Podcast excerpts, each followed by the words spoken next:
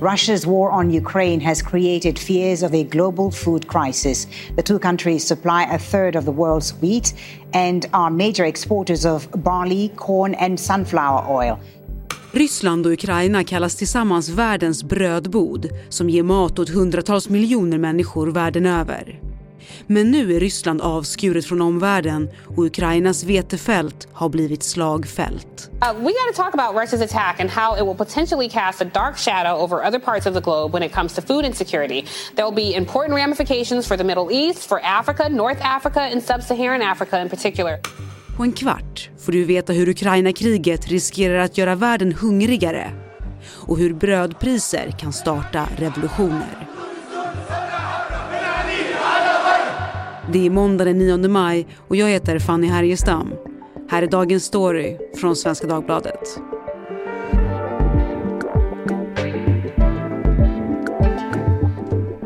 Teresa Kichler, SVDs Brysselkorrespondent och nyligen hemkommen från Ukraina. Teresa, jag dricker ju sånt där eh, fulkaffe, alltså sånt där pulverkaffe, men jag har ju sett också att priserna här i Sverige har gått upp på bryggkaffe med redigt kaffe. Men om vi tar Bryssel där du är, där är det mjöl som har blivit väldigt dyrt va? Alltså alla priser har gått upp. Jag dricker egentligen vilket kaffe som helst för för mig är det kvantitet som gäller, inte kvalitet. Men det är sant att i vissa affärer här i Bryssel så finns det inte mjöl på hyllorna sedan flera veckor. Alltså stora mataffärer, de, de har ju stora lager. Men de här liksom lokala i innerstan här, här expressbutiker eller kiosker, där har mjölet varit slut länge. Det är tomma hyllor.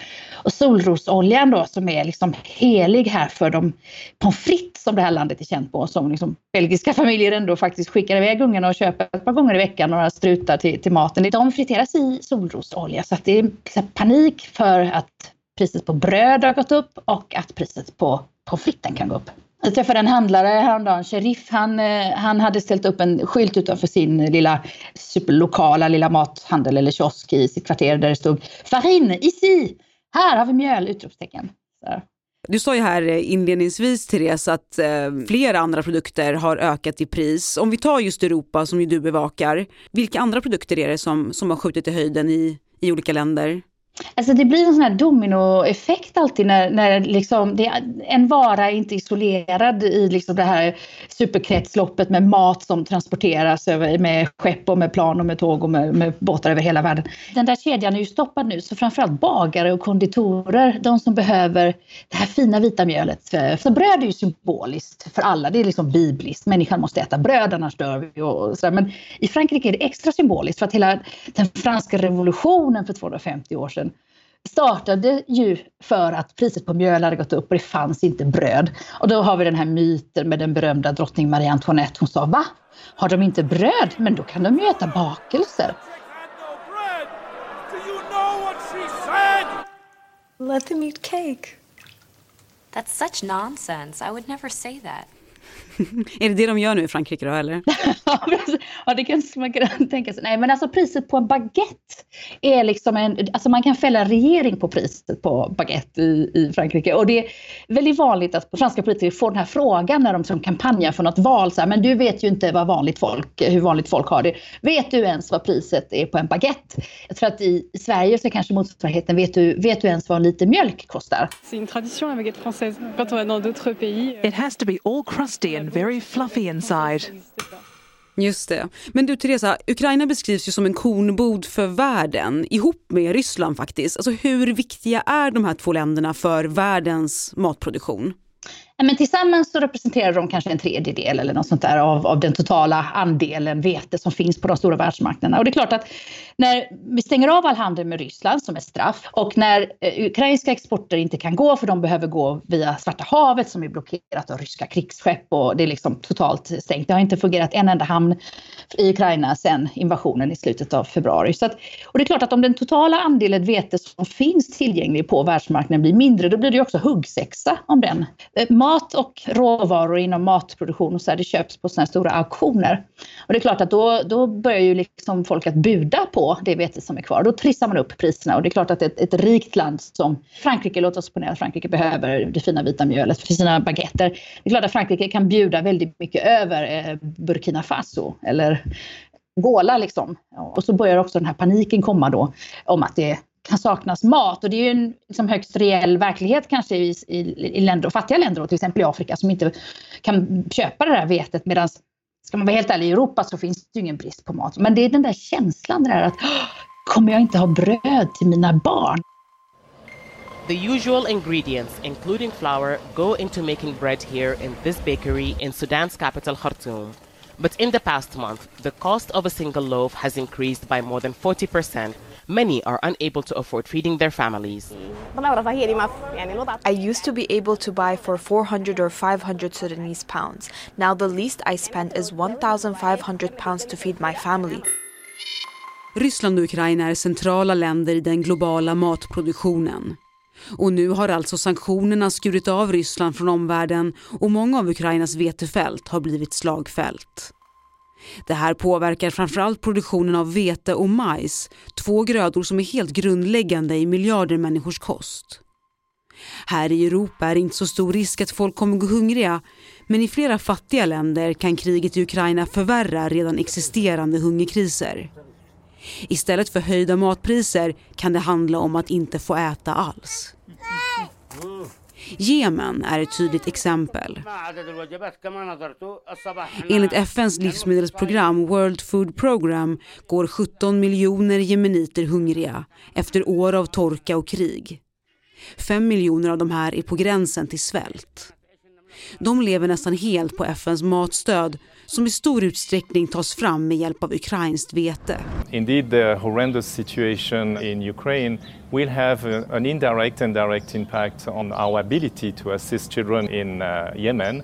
Genom matkrisen har FN behövt dra ner på ransonerna. Vissa grupper riskerar att helt bli utan då man tar från de hungriga för att ge till de svältande.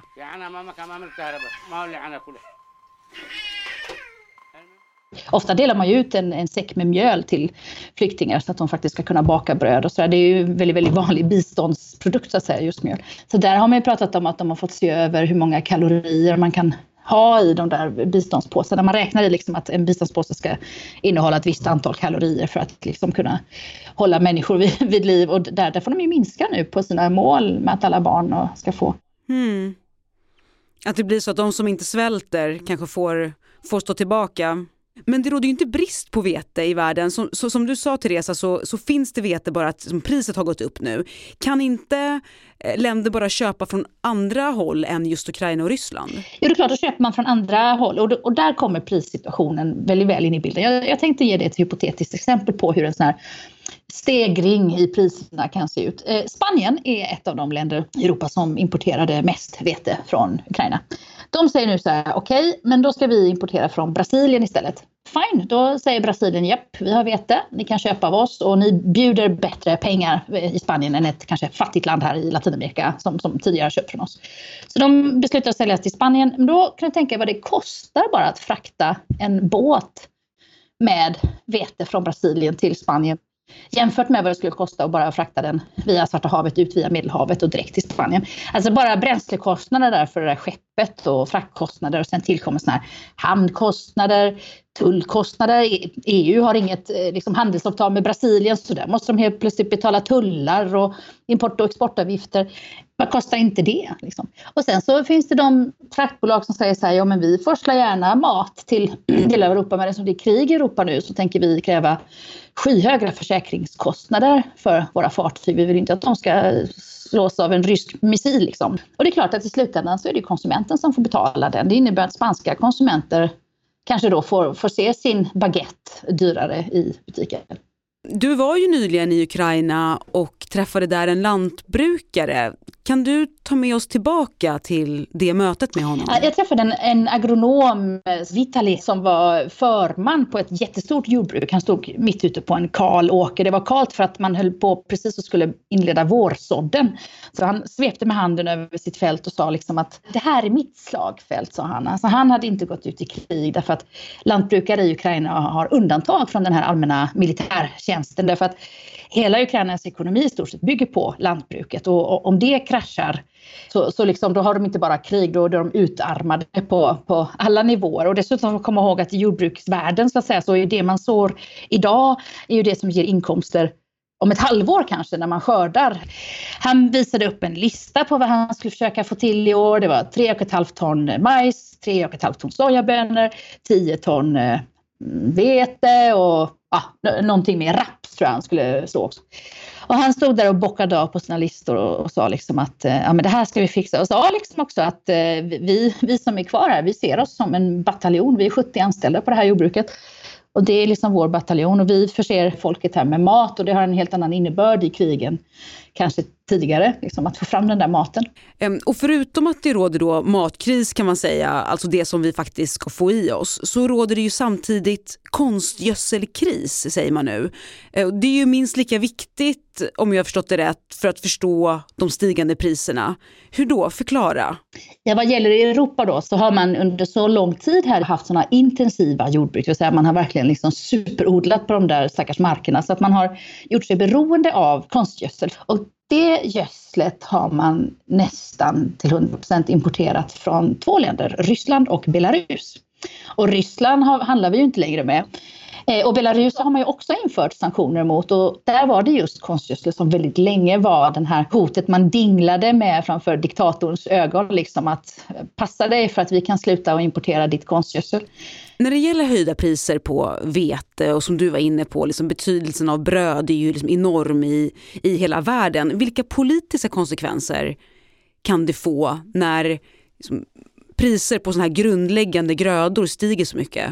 I det franska presidentvalet som gick av stapeln nu för några veckor sedan så såg man ju att köpkraften, alltså hushållen som säger, att de inte längre får det att gå ihop därför att matkassen har blivit så dyr. Och liksom underförstått, där, där är liksom baguetten sticker upp ur den där kassen. Eh, det blev ju liksom ett slagträ i presidentvalskampanjen från flera olika politiker på både vänster och högerkant. Att jag ska se till att familjerna har råd att ta hem den där matkassen som, som de behöver. Alltså det, det politiska partiet ska, kan, kan plocka upp rädslan för matbrist eller rädslan för att vi inte längre har råd att köpa den mat som våra barn vill ha. Ett sånt parti kan ju vinna mycket, tror jag.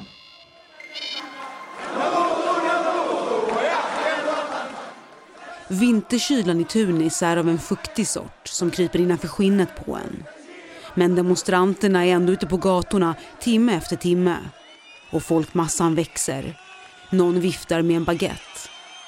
Det är januari 2011 i Tunisien och det som ska bli känt som den arabiska våren är igång. En rad länder i Mellanöstern jagar bort sina diktatorer som hårt fört styrt i decennier. Slagorden handlar om längtan efter frihet men också om matpriser, om att kunna leva värdigt. Frihet, nationell stolthet och bröd.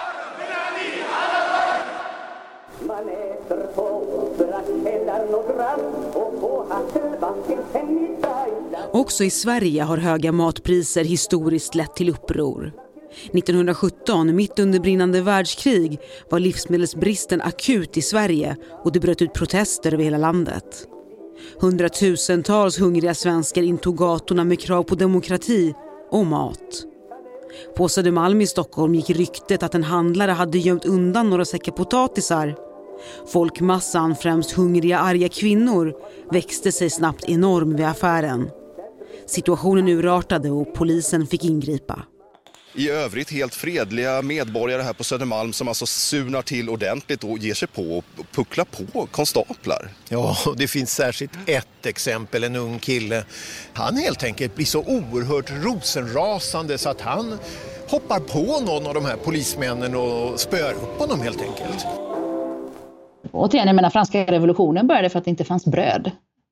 Svälter man har man ingenting att förlora. Kan, ser man sina barn hungra så har man ingenting att förlora. Då, då, visst, då kan man ta upp ett eh, basebollträ eller en, en puffra liksom och tåga mot parlamentet där man bor. Jag vet, jag vet, inte. Jag tror inte att i Europa att det kommer bli så såklart, för vi har andra medel än vapen kanske att ta till. Vi har pengar i den här delen av världen och vi kommer, regeringar vill inte fällas på, på en brödfråga eller potatisfråga, så de kommer att liksom pytsa ut pengar till där det behövs. Om de bestämmer sig för att ta massa lån och höja sina statsskulder eller om de bestämmer sig för att bryta mot sina heliga tabun som statsstöd och sånt där. Men, så på något sätt kommer de göra det. Det gjorde många regeringar under finanskrisen för tio år sedan då, de liksom föll alla konkurrens och regler. Så här. Och jag tror att man gör det igen nu. Om kriget tar slut då, går priserna ner då igen direkt? Alltså, ska man vara helt ärlig, priserna har ju påverkats av det här kriget, är sant. Men priserna har också påverkats av andra kriser som pågår, liksom ligger, ligger parallellt. Vi har en energikris som gör att liksom bränslet går upp för böndernas traktorer och maskiner. Och vi har en eh, klimatkris som syns här och där överallt. Så det är flera kriser på varandra som gör att liksom mat blir en känslig, väldigt sårbar produkt på världsmarknaden. Dessutom ska vi komma ihåg att även efter kriget så kommer, tror jag, världen vara indelad i två halvor. De som handlar med Ryssland och de som inte handlar med Ryssland.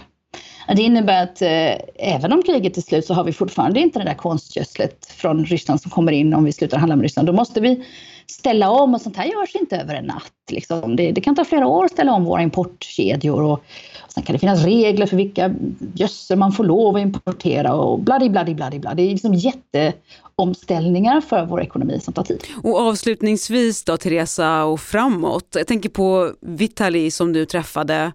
Vad tänkte han om framtiden och nästa skörd? Han var säker på att han skulle få ihop den där kvot, de där kvoterna som han visade på sitt papper med sojabönor och raps och vete och så. Eh, han var också säker på att de skulle vinna kriget. Eh, det, var liksom, han sa väldigt mycket så här, efter kriget, då måste vi kanske se till att eh, va, säkra våra exportkedjor bättre. Eller efter kriget så måste vi kanske exportera mer via eh, järnväg istället för båtarna i Svarta havet. Eller efter kriget så, så kommer det här ordna sig och så kommer investerarna att komma tillbaka hit. Och hoppfullhet då om vinst men också en viss desperation bakom hans ord. Tack Teresa Küchler för att du var med i Dagens Story. Tackar, tackar. Vi som gjorde programmet idag är producent Kajsa Linderoth, redaktör Erika Hallhagen och jag heter Fanny Härgestam. Klippen idag kom från Al Jazeera, MSNBC, Deutsche Welle, AP, Vetenskapsradion Historia och filmen Marie Antoinette.